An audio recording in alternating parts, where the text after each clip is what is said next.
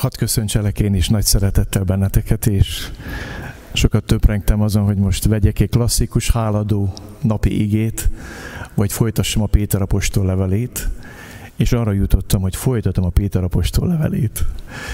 Bele fogom szőni a soron következő szakaszt ebbe a témába, és azt a címet adtam a ma délőtti igéhirdetésnek, hálaadást kiváltó élet hálaadást kiváltó élet. Keressétek meg Péter apostol első level a harmadik részét a Bibliátokban, és a soron következő szakaszt fogjuk olvasni a nyolcadik verstől a tizenhetedik versig. Kövessétek figyelemmel az igét. Végül pedig legyetek minnyáján egyetértők, együttérzők, testvérszeretők, könyörületesek, álhatatosak ne fizessetek a gonoszért gonoszszal, vagy a gyalázkodásért gyalázkodással, hanem ellenkezőleg mondjatok áldást, hiszen arra hivattatok el, hogy áldást örököljetek. Mert aki szeretne örülni az életnek és jó napokat látni, óvja nyelvét a gonosztól, és ajkait, hogy ne szóljanak álnokságot, forduljon el a gonosztól, és cselekedjék jót, keresse és kövesse a békességet, mert az Úr szeme az igazakon van, és füle az ő könyörgésükre figyel, az Úr arca pedig a gonosz cselekvők ellen fordul. De ki az, aki bántalmaz titeket, ha buzgón igyekeztek a jóra? De még ha szenvednétek is az igazságért, akkor is boldogok vagytok. A fenyegetésüktől pedig ne ijedjetek meg, sem meg ne rettenjetek. Ellenben az Urat Krisztus tartsátok szentnek szívetekben, és legyetek készen mindenkor számot adni mindenkinek, aki számon kéri tőletek a bennetek élő reménységet. Ez pedig szeliden, és tisztelettudóan, jó lelkismerettel tegyétek, hogy mivel rágalmaznak titeket, abban megszégyenülnek azok, akik gyalázzák a ti Krisztusban való példás életeteket. Mert jobb jót, mint gonosz selekedve szenvedni, ha ez az Isten akarata. Imádkozzunk! Olyan különös olvasni ezt a levelet, Uram, olyan, mint hogyha csak ma élne Péter, és mint ha tudná azt, hogy milyen korban élünk, milyen érzéseink, milyen gondolataink vannak. És bár Péter nem tudta, de te nagyon jól tudtad, és nagyon jól tudod, mert tegnap, ma is mindörökké ugyanaz vagy. Nem öregszel, nem változol, örökkévaló változhatatlan Isten vagy kőszikla vagy te. És köszönjük, hogy megírattad ezeket az ígéket Péterrel, azért, hogy ma itt és most bátoríts minket, hogy megszólíts minket. Várunk rád, vágyunk rád, kérünk, hogy beszélj hozzánk, megnyitjuk a szívünket, az elménket, egész lényünket, hogy formálj minket a te szabaddal. Amen. Próbáltam ezt a Péteri igét és próbálom összekapcsolni a háladással. És hadd szóljak nektek egy picikét arról, hogy a brűnnek van egy gravitációja, és a kegyelemnek van egy felhajtó ereje az életünkben.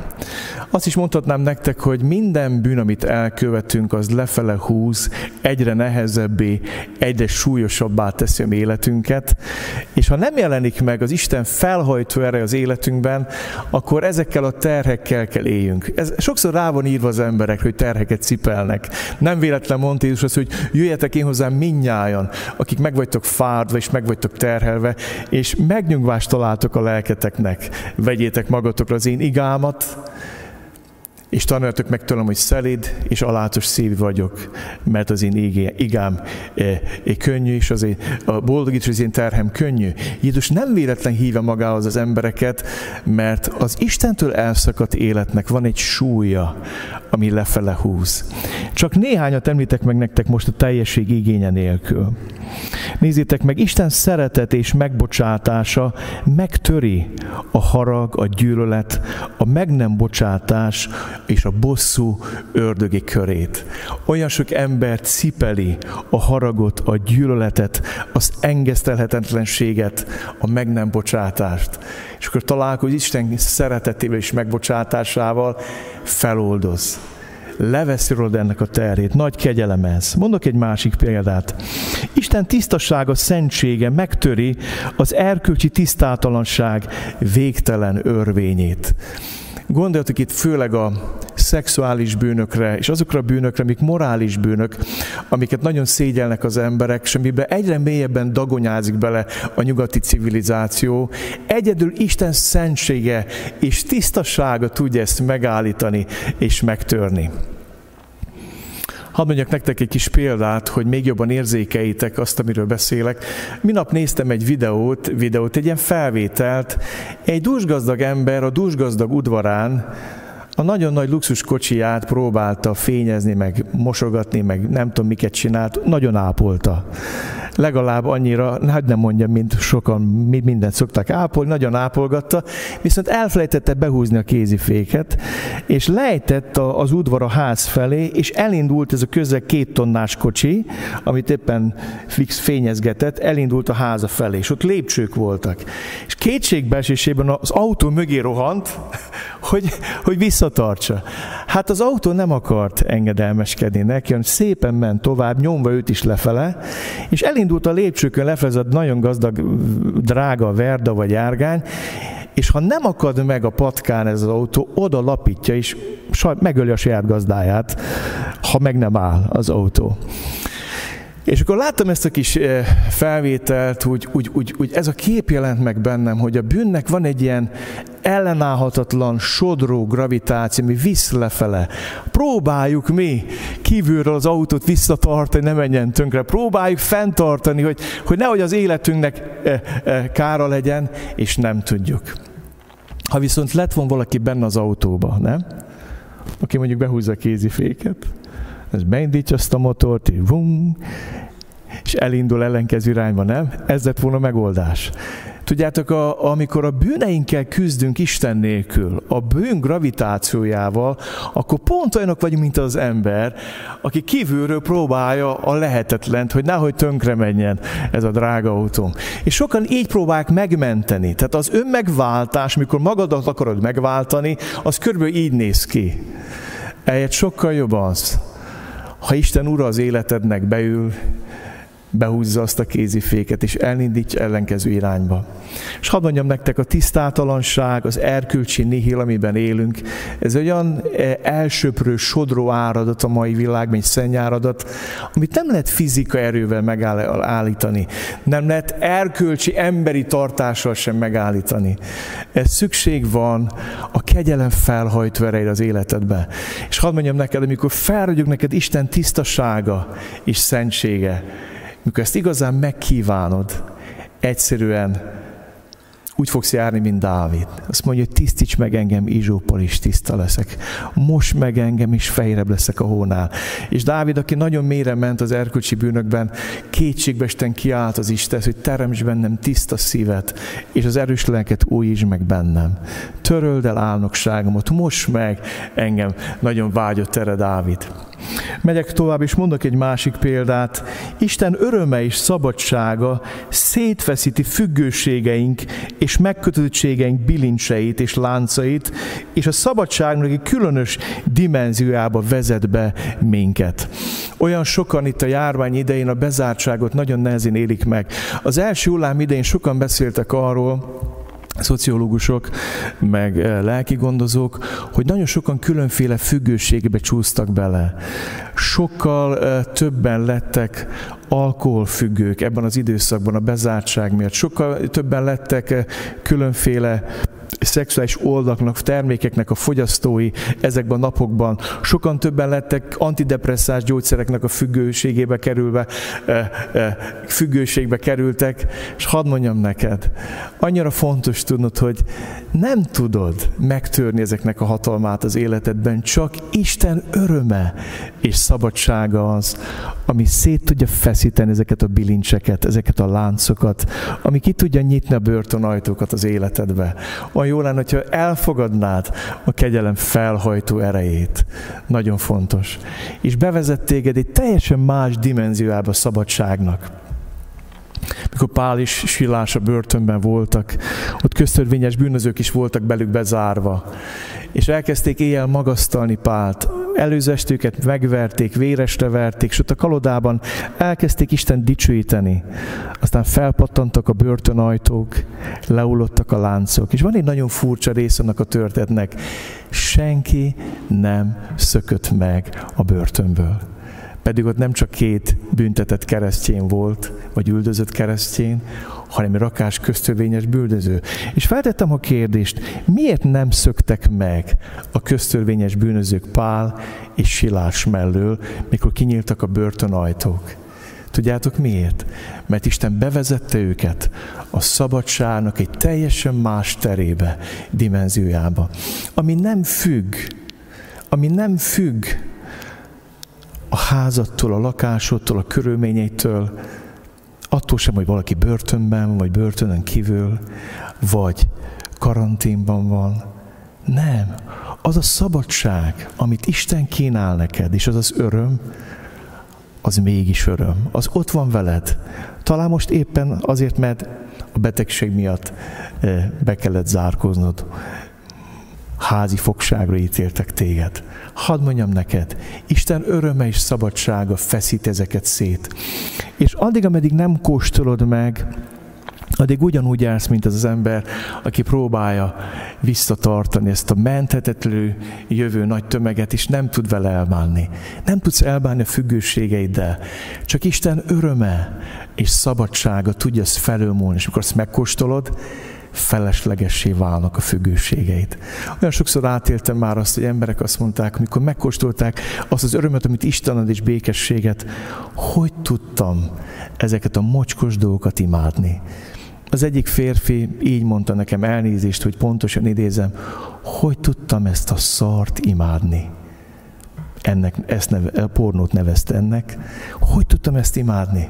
Fel se tudtam fogni, hogy az Isten tisztasága, szentsége, szabadságos öröme olyan szabadságot tud adni, amit senki más. És lehet azt mondjátok, jó, jó, de háladó napra jöttünk, elérkezünk mindjárt ehhez a témához is. Hadd mondjam nektek, Isten szeretete kiűzi a félelmet. Ez szó szerint így van a Bibliában. És még egy dolgot mondok, és rátérek az igére.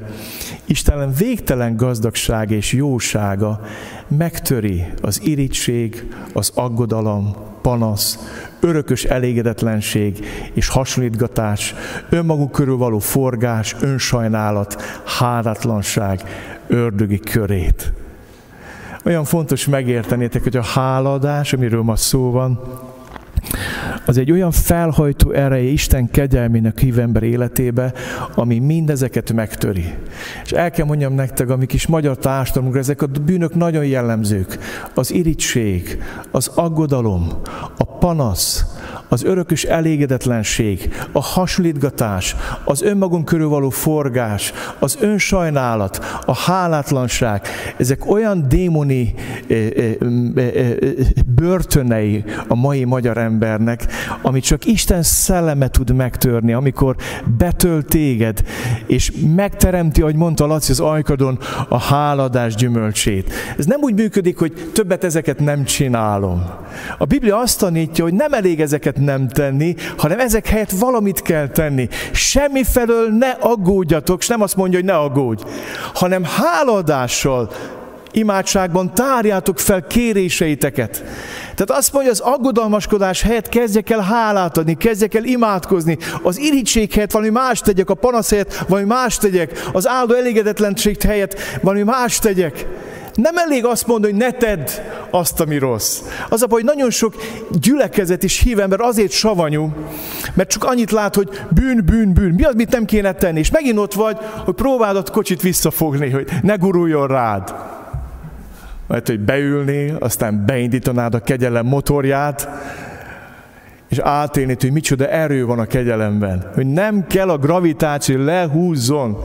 Erre láttál itt egy példát, hogy valaki az édesapja utáni gyászban születik egy ének a szívébe, és eljön ide, és elénekli dicsőítésként, hálaként Istennek, úgyhogy még néhány napja halt meg az apja. Ilyet csak Isten tud végezni, a kegyelem felhajtó ereje. Amen? Nagyon fontos. Ez nem emberi erőből jön. Hadd mondjam nektek. És amikor ez történik, Isten szeretete végtelen gazdagság és jósága megtölt hálaadással, és ennek van egy hatványozó tényezője, hogy elkezdesz élni egy háladást kiváltó életet.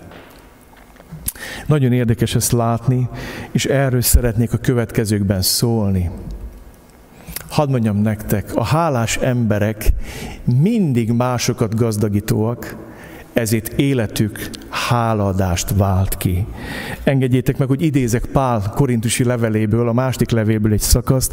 Nézzétek, mit mond Pál. Így mindenben meggazdagodtok a teljes tiszta szívűségre, amely általunk hálaadást szül Isten iránt.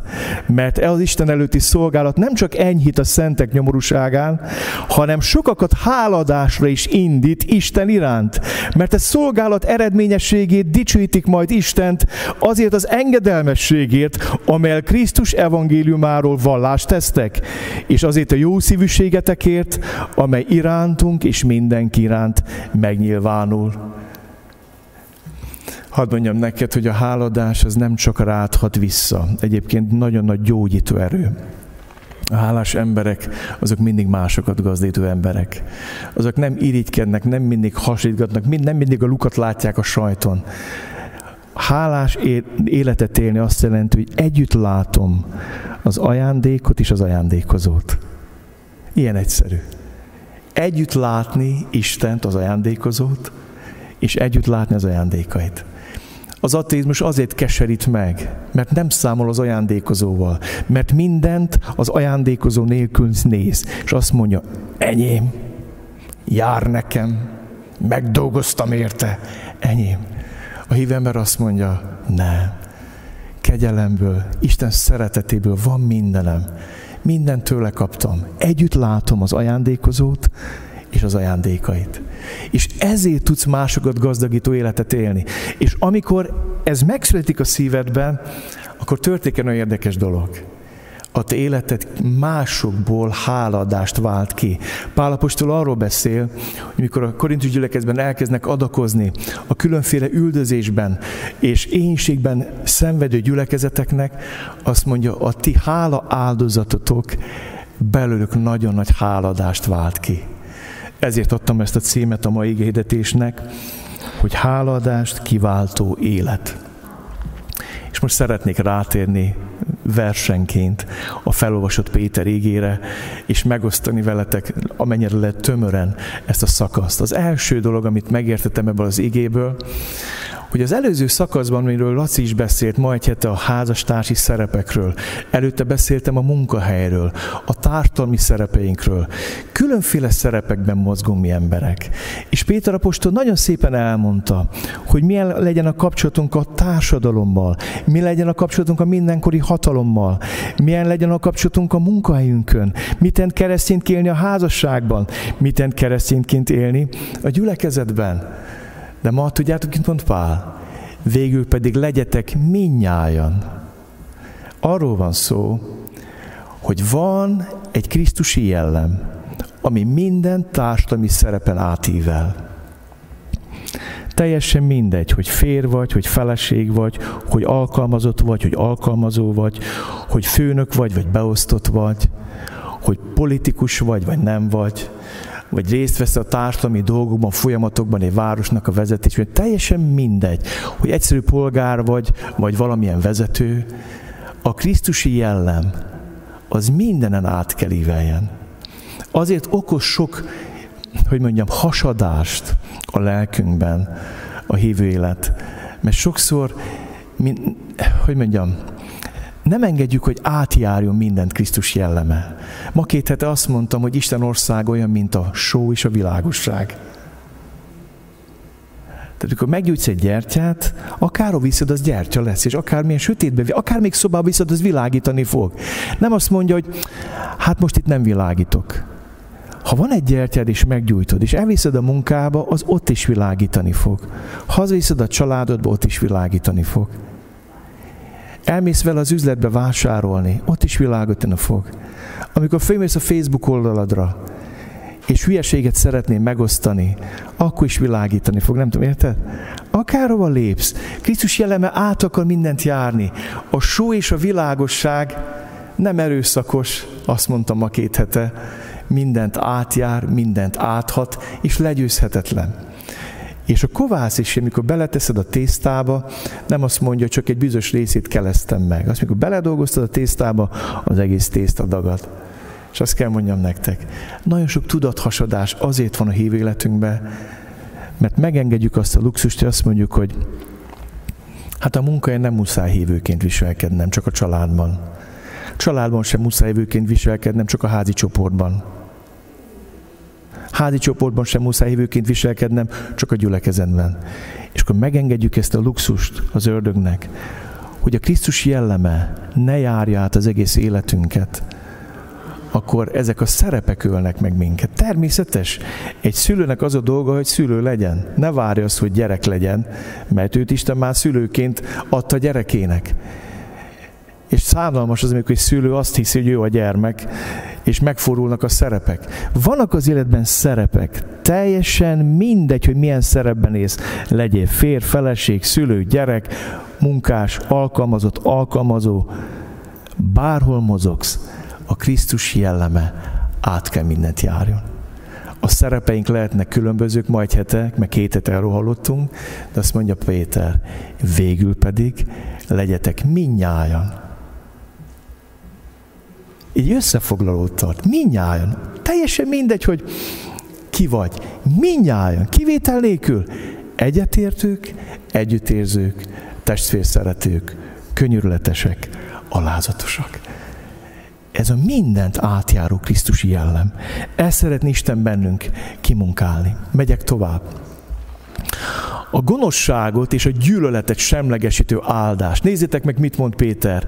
Ne fizessetek a gonoszért gonoszszal, vagy a gyalázkodásért gyalázkodással, hanem ellenkezőleg mondjatok áldást, hiszen arra hívattatok el, hogy áldást örököljetek.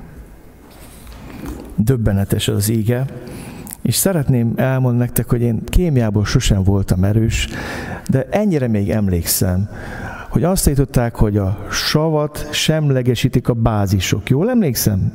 Hülyeséget mondtam? Csóválja, lehet hülyeséget száfolj meg. Anikó, igaz ez? Na, van itt egy doktor kémiai tanár, itt megnyugtat, megtudtattál Anikó a karzatról. Azt mondják, hogy a savat a bázis semlegesíti. Azt mondja Péter, ne fizessetek a gonoszért gonoszszal, a gyalázkodásért gyalázkodással, hanem ellenkezőleg mondjatok áldást, hiszen arra hivattatok el, hogy áldást örököljetek. Olyan szomorú, amikor azt látod, hogy savazzák egymást a keresztjének. A magyar kultúrában a savazásnak nagy divatja van. Úgy lett tudjuk egymást szúrni, savazni. Ha valaki valamit csinál, lehet, hogy nem is szándékosan, hanem vérve úgy vissza tudunk szúrni, vágni. Azt mondja Péter, a gonoszságot nem lehet gonoszsága legyőzni. A gyalázkodás gyalázkodása nem lehet legyőzni hogyha savat a bázis semlegesíti, azt kell mondjam nektek, a gonoszságot és a gyűlöletet tudjátok, mi semlegesíti? Az áldás. Az áldás. Nagy dolog ez. És Péter ezt a saját bőrén tanulta meg. Volt egy kínos éjszakája, ami felszínre hozta neki minden jellemgyengeségét. Azt, hogy mekkora nagy szája van, mekkorákat tud ígérni, mekkorákat tud bukni, és a Péter azon az éjszakán több mindent átélt. Az egyik, amit átélt, hogy nagyot ígért, és abból nem, hogy nem tartott meg semmit, hanem mínusz végtelenbe ment. Esküdözött és átkozódott, hogy nem ismeri Jézust. Elég nagy bukta volt, nem? Elég nagy bukás volt. És azt megelőzők, tudjátok, mit csinált? A gonoszság és a gyűlölettel, gyűlölettel válaszolt a gyalázkodásra. Jött valaki, és mikor meglátta Péter, azt a szolgát, az egyik, egyik szolgátok el akarta fogni Jézust, oda ment, és mit csinált? Lecsapta a fülét. Biztos nem a fülét akarta levágni. Az az ember, mikor a dinnyét hasít, akkor nem a szárát vágja le, hanem a közepét. Tehát valószínűleg a közepét célozta a fejének ennek a szolgán, de a fülét sikerült. Tehát nagy hőstet volt egy fület levágni. És, és levág a fülét, csak akkor Jézus azt mondja, tedd el a kardot. Tedd el a kardodat. És akkor átéli azt, hogy akit meg akar védeni, Péter, meg akarja védeni Isten fiát, akit meg akar védeni, mit csinál? Meggyógyítja a főpap szolgának a fülét. És Péter itt a bőrén tanulgatja, milyen az, hogy nem lehet gyalázkodás gyalázkodással intézni.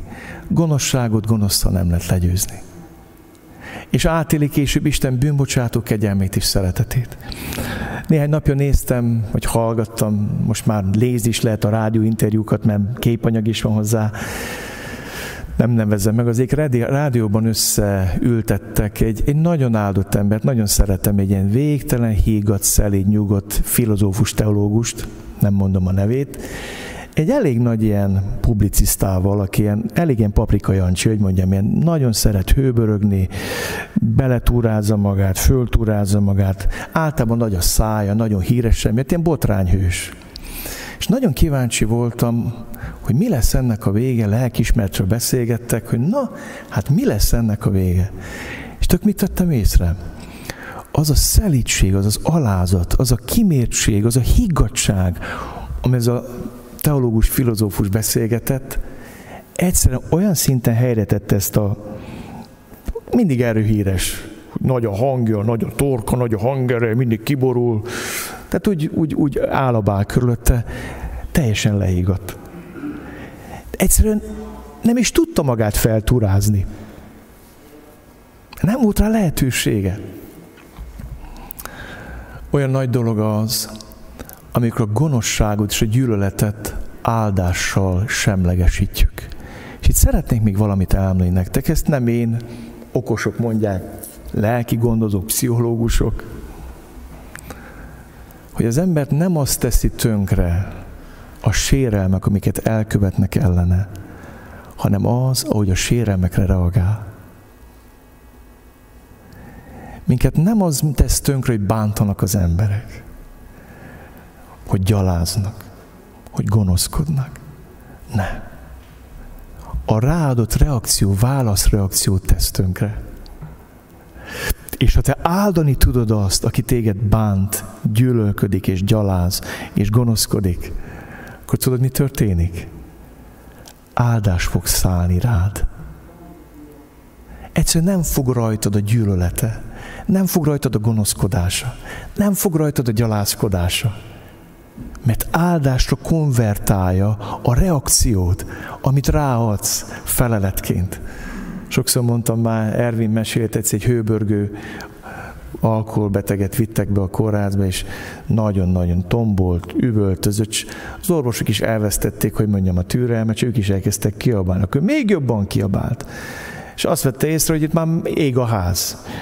Ott van egy hordágyon egy beteg üvöltözik, körülött az egészségügyi dolgozók üvöltöznek, az még jobban üvölt, és odahajolt, és a fülébe súgott valamit. Olyan néma csend lett. Kérdezték, hogy mit mondtál neki. Annyit kérdeztem, hogy van valami baj.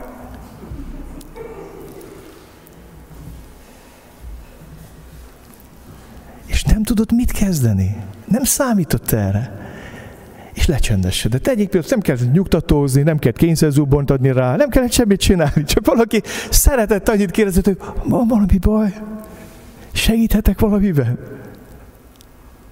De jó lenne késznek lenni. Azt mondja Péter, gonoszságot és gyűlöletet semlegesíti az áldás. Nem is akarok itt leragadni, megyek tovább, következő igevers. Péter élet elixírje, ahogy a Biblia pompom igéje. Most nagy, azt mondja, mi az a pompom ége? A gyerekeim sokat nézték pompomot, mikor picik voltak. Ismersz a pompom mese van nektek? Megvan? Ez a papucs orám, pamutbolyt, vagy mit tudom én. És úgy, ma pom pom pom pom pom pompás napon van, valahogy így, így, indul, hogy neki, neki mindig egy pompás napja van. És mikor olvastam ezt az égét, annyira megérintett engem, hogy Péter elmondja, hogy, hogyha, hogy mi az élet elixír. Mert aki szeretne örülni az életnek, hát ki ne szeretne? És szeretne jó napokat látni. Hát ki ne szeretne? Itt a járvány közep, és hadd mondjam nektek, ez nem függ attól, hogy most Covid van. Amit Péter itt elmond Isten szent lelkének az inspiráció alatt, ez Isten szava, Isten igém a számodra. Ha szeretnél örülni az életnek itt most, hányadika van ma? 15? Igen, 2020. november 15-é. Szeretnél örülni az életnek? Szeretnél, hogy ma pompás napod legyen? Szeretnél? Akkor azt mondja Péter, gyere elmondom. És azt mondja, hogy tudod mit? Keres egy vírusmentes országot a világon. Keres egy olyan országot, ahol nagyon erős a szociális háló, toppon van a egészségügy, mindenki kiegyenlített egyforma nyugdíjt kap. Keres olyan helyet, ahol a szél se bánt, nincs nagy tél és nincs nagy forró nyár. Nem? ne kelljen fűteni lakást. Keres egy biztonságos helyet. Ezt mondja Péter. És tudjátok, ez a világ ezt. Keresünk egy vírusmentes helyet. Keresünk mind, és, és ettől hangos a világ. Nézik egymást az országok, akkor szídjuk magunkat, szídjuk egymást, szídjuk a kormányt, szídjuk az egészségügyet, annyi mindent szídunk. Milyen szomorú. Azt mondja Péter, ha szeretnéd, hogy ma örülj az életnek, ha ma szeretné jó napokat látni, akkor nem ilyen dolgokról mond. Az óvja nyelvét a gonosztól, és ajkait, hogy ne szóljanak álnokságot. Drága gyülekezet és mindazok, hogy követik, miket posztoltok, miket írtok, miken elmélkedtek. Néha megdöbbent, hogy ezt a fégyel, félem dagasztást hívők is csinálják. Olyan nagy szükség lenne ma a reménység evangéliumára, és akkor írjuk, így halt meg, úgy halt meg, ez történt, az történt, ilyen az egészségügy, olyan az egészségügy, így fog összeomlani, úgy fog összedőlni, ez lesz vele, az lesz vele. Kedveseim, jó az, hogy ezt dagasztjuk mi is. Addig nem tudsz vigyázni a nyelvedre és az ajkadra, amíg nem vigyáztál mire? Az elmédre a gondolataidra, amíg nem vigyáztál a szívedre. A Biblia azt mondja, hogy szívnek teljességéből szól a száj. Minden féltől dolognál jobban őrizd meg a szívedet, mert abból indul ki minden élet, és túl csordul belőled az, ami benned van. És de lenne betelni szent lélekkel, belemerülni Isten szellemébe, hogy azt folyjon túl rajtunk. Az folyjon túl rajtunk, ne a félelem ne a félelemkeltés, ne a panaszkodás, ne az elégedetlenség, ne a riodalom. Óvja nyelvét a gonosztól, és ajkait, hogy ne szóljanak álnokságot. Meg szoktad vizsgálni a híreket, amiket megosztasz? Napokban beszélgettem valakivel, aki azt mondta, hogy nagyon megkeseredett. Mondom, miért vagy megkeseredett? Azt mondja, tudod, az fáj, hogy azt látom, hogy a keresztjének nem néznek utána a híreknek, felkapnak egy hírt, nem nézik meg, hogy igaz, vagy feleség igaz, vagy félig igaz. Egyből posztolják, aztán elindul a kollektív fürdőkárban a dagasztás, az iszabbirkózás. És azt mondja, amikor olvasom, és ezek azt mondják, hogy keresztjének elfog a hányinger. Még azt is megfogalmazta, hogy ez inkább a protestáns világra jellemző. És még azt is megfogalmazta, hogy, hogy már az is gondolkoztam, hogy lehet, hogy visszatérek a katolikus egyházba. És annyira megdöbbentett, mikor ezeket mondta, mert, mert azt éreztem, hogy való igaza van. Kinek hiányzik ez az isza birkózás a világ kollektív fürdőkágyában? A mocskolódás, egymás dagasztása. Vigyázz a nyelvedre, vigyázz az ajkadra, vigyázz az elmédre, vigyázz a szívedre. Ne szólj álnokul, fél információkkal ne fárasz másokat, ne adj tovább olyan híreket, aminek fele sem igaz, vagy nem győződtél meg, aztán végképp nem menj bele egy csatás. Mondom, miért olvasod ezeket? Nem egyszerűbb lenne, hogyha nem olvasnád. Hát ezt csak elolvasom, és nagyon nyomasztó. És tényleg nyomasztó. Eldöntöttem, hogy nem megyek ezekbe bele. Nincs időm rá, nincs energiám rá. És azt mondja, forduljon a gonosztól, és cselekedjék jót. Keress és kövess a békességet. Fordulj el a gonosztól. Ne foglalkozz vele, megsötétedsz. Túl sokat foglalkozunk a gonoszsággal. Túl sokat foglalkozunk gonosz dolgokkal. Nem úgy, hogy mi követjük el, foglalkozunk vele. Nem csak, nem csak a saját gonoszságodtól fordulj el, a gonosztól fordulj el, azt mondja Péter. Amikor megtértünk, elfordultunk a saját gonoszságunktól. Megbántuk, mert a bűnbánatnak van egy ilyen érdekes uh, tulajdonsága, hogy mikor bűnbánatra jutsz, elkezded Istennel együtt látni a bűneidet, az életedet, és elkezded őt nagyon jónak látni, magadat pedig nagyon rossznak. Ez a bűnbánat. Látod az Isten jóságát, a saját gonoszságodat. És elfordulsz tőle, és ott hagyod. Megtérsz, megváltozik a gondolatod. Azt mondja, hogy forduljen el a gonosztól és cselekedjék jót. Keresse, és kövesse a békességet. Ó, milyen bölcsességet kapott a Szent Legtő Péter. Keresd, és kövesd. Mit keresel ma? A békességet? Vagy a félelmet? Olyan sokan bevonzuk a félelmet, olyan sokszor keressük a félelmet, keressük a pánikot. Magunknak keressük. Olvassuk, töltjük magunkat, töltjük egymásba. Isten azt mondja, fordulj el tőle. Hadd a csodába. Fordulj el. Keresd, és kövesd a békességet. Mert az Úr szeme az igazakon van. És füle az ő könyörgésük. Ebben az is benne van, hogy mit ne csinálj, de mit csinálj. Imádkozz. Imádkozz azokért, akik félnek. Imádkozz azokért, akik gyűlölködnek. Imádkozz azokért, akik birkóznak, akiknek erre, erre van idejük. És ezt csinálj. Imádkozz, könyörög, mert az Úr füle hall. Csinálj valami hasznosabbat a helyet, amit addig tettél. De azt is mondja az ége. Az Úr arca pedig a gonosz cselekvők ellen fordul. Oda fordul. Ezt is elmondja az ége. Érdekes az Úr szeme és füle az igazakon van, arca pedig odafordul gonosz cselekvők ellen. Ebben figyelmeztetés is van, testvérem. Tér meg, hogy a gonosz dolgokat teszel, ha gonoszságban élsz, hadd mondjam neked, hogy Isten látja, az Isten arca ellenet fordul. A Biblia azt mondja, hogy Isten az ő haragját nyilatkoztatja ki a mennyből az emberek minden hitetlenség és gonoszsága ellen. Amikor tudatosan lázadunk Isten ellen, azt mondja az ége, hogy Isten haragja alatt vagyunk. Isten arca a gonosz cselekvők ellen fordul. Ezt mondja az ége. Gyertek, menjünk tovább. És hadd szők nektek egy különös boldogság forrásról. De ki az, aki bántalmaz titeket, ha buzgón igyekeztek a jóra? De még ha szenvednétek is az igazságért, akkor is boldogok vagytok. A fenyegetésüktől pedig ne jegyetek meg, sem meg ne rettenjetek. Azt mondja az ége, boldog vagy, ha szenvedsz az igazságért. Érdekes.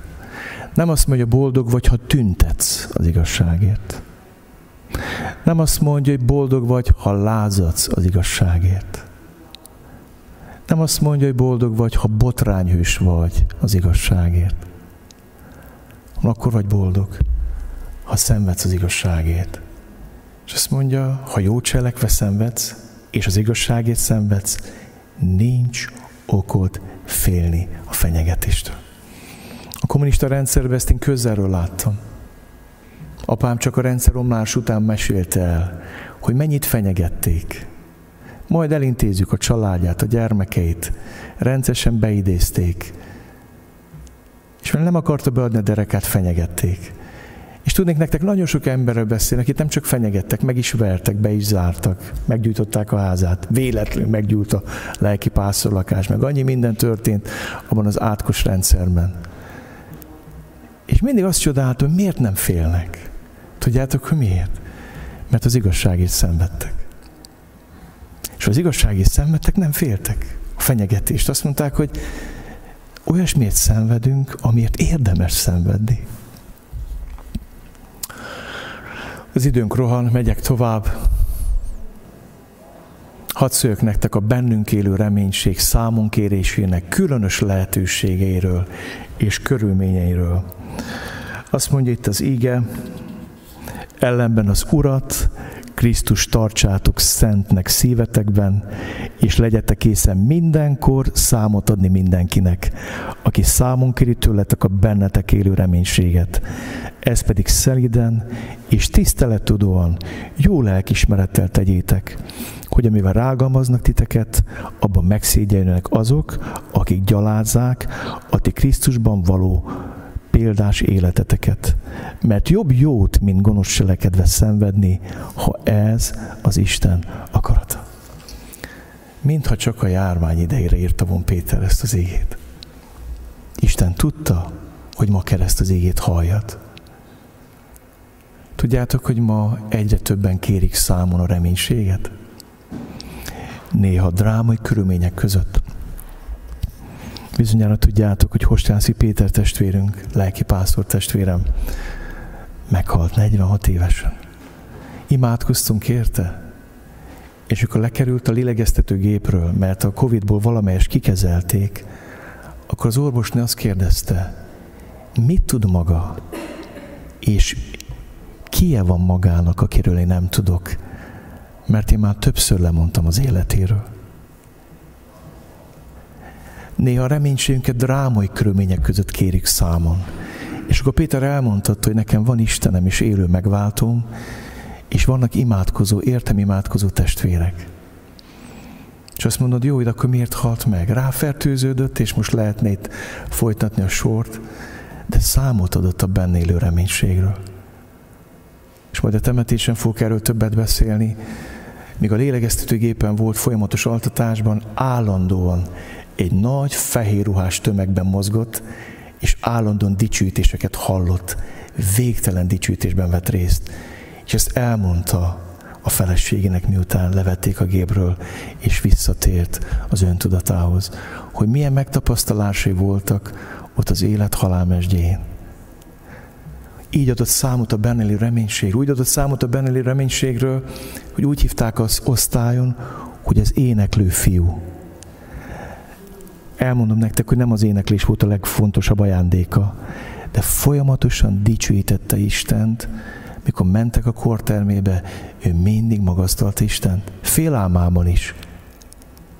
Mindig azt mondták, hogy itt mindig ének van. Megyünk az éneklő fiúhoz. Számot adni. Drámai, vihar, nehéz napok között a bennünk élő reménységről. Van, amikor nagy nyilvánosság előtt kell számot adjunk. Lehet láttátok sokan Gergőnek a bizonyságtevít, a Jakub Csek műsorában, nézzétek meg, behívták az ATV-be, és elmondta a megtérését. Akárhogy kérdezte az interjú, mindenfélét akart kérdezni, csak az evangéliumot nem. Gergő mindig az evangéliumot mondta, és mondta, hogy Jézus változtatott meg. És hogy? Hát csak akkor elmondta, hogy hogy és és elmondta, hogy a gyülekezetben mit tapasztalt, és hogyan emeltőt fel az Isten, és hogy megnősült, és két gyereke van. És azt mondja, leérettségeztem, és még le is diplomáztam. Ja, hát milyen diploma? Hát azt mondja, lelki pásztori, azt mondja Jakub Csek, hát ez tényleg párfordulat. Ez tényleg párfordulat. Számot adsz-e? De hadd mondjam neked, Simon Anna mondja, amikor megy Budapestre, mindig ilyen telekocsival megy. Már megszokta, beülnek az utasok, tudja, most rám bízta is ezt a négy embert egy órára. Egy kérdés föltesz, és már is lehet mondani az evangéliumot Budapestig. Számot lehet adni a benne élő reménységre. Az emberek félnek, rettegnek. Olyan nagy szükség van ma arra, és azt mondja, számon kérik, megkérdezik, még csak nem is neked kell kezdeni, ők kérdezik meg. Hogy te hogy éled meg ezt a járványt? Mitől vagy nyugodt? Mitől van békességed? Miért nem aggódsz? Miért nem rettegsz? Miért nem pánikolsz? Számon kérik a reménységedet. És azt mondja Péter, légy kész. Számot adni mindenkinek. Mindenkor. Mindenkinek, mindenkor. Mi úgy megválogatjuk, hogy kinek kell számot adjunk, ugye? A fizimis alapján, jó, hát ez a mi kultúrkörünkbe tartozik, hát neki számot adok. Hát neki nem, mert ő most bekapogott, ő egy koldus. Nem. Mindenkor mindenkinek adj számot a benned levő reménységről, azt mondja Péter. És ezt hogyan tedd? Még e szeliden is tisztelettudóan. Szeliden is tisztelettudóan. És befejezem. Hadd szóljak nektek arról, akitől Péter mindezt tanulta. Van olyan számadás, ami megment másokat. Amikor Jézus Krisztus szenvedett a Golgotai keresztfán, előtte elítélték, megkorbácsolták, megverték, leköbdösték, meggyalázták, keresztre feszítették, szenvedett.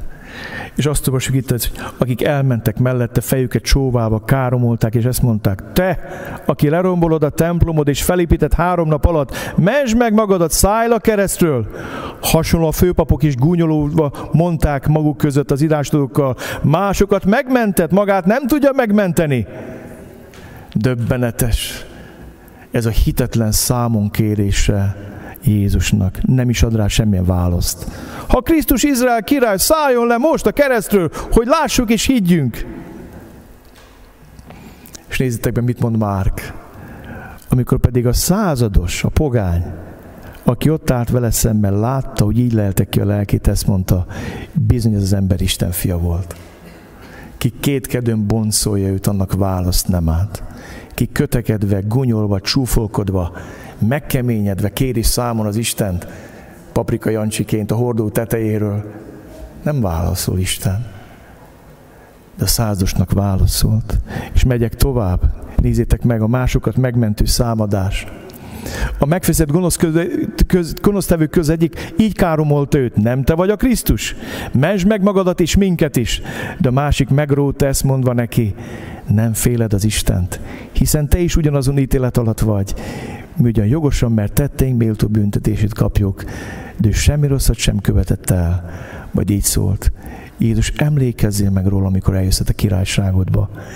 Jézus így felelt neki, bizony mondom neked, ma velem lesz a paradicsomba. Másokat megmentő számadás. Annyira vágyom, hogy ilyen életünk legyen. Azzal kezdtük. Hálaadást kiváltó élet. Az az ember, aki megtanul hálát adni, az előbb-utóbb olyan életet fog élni, ami másokból is hálát vált ki. És azt kívánom itt a járvány kellős közepén, drága gyülekezet, hogy ott, ahol éltek, a családban, a munkahelyen, a megfélemlett emberek között, tudjunk mi egy ilyen életet élni. Olyan életet, ami megmenti őket. Úgy tudjunk számot adni bennünk levő reménységről, hogy megmeneküljenek. És úgy tudjunk élni, hogy hálát váltsunk ki a környezetünkből az, ahogy élünk. Egyedül az ő dicsőségére. Amen.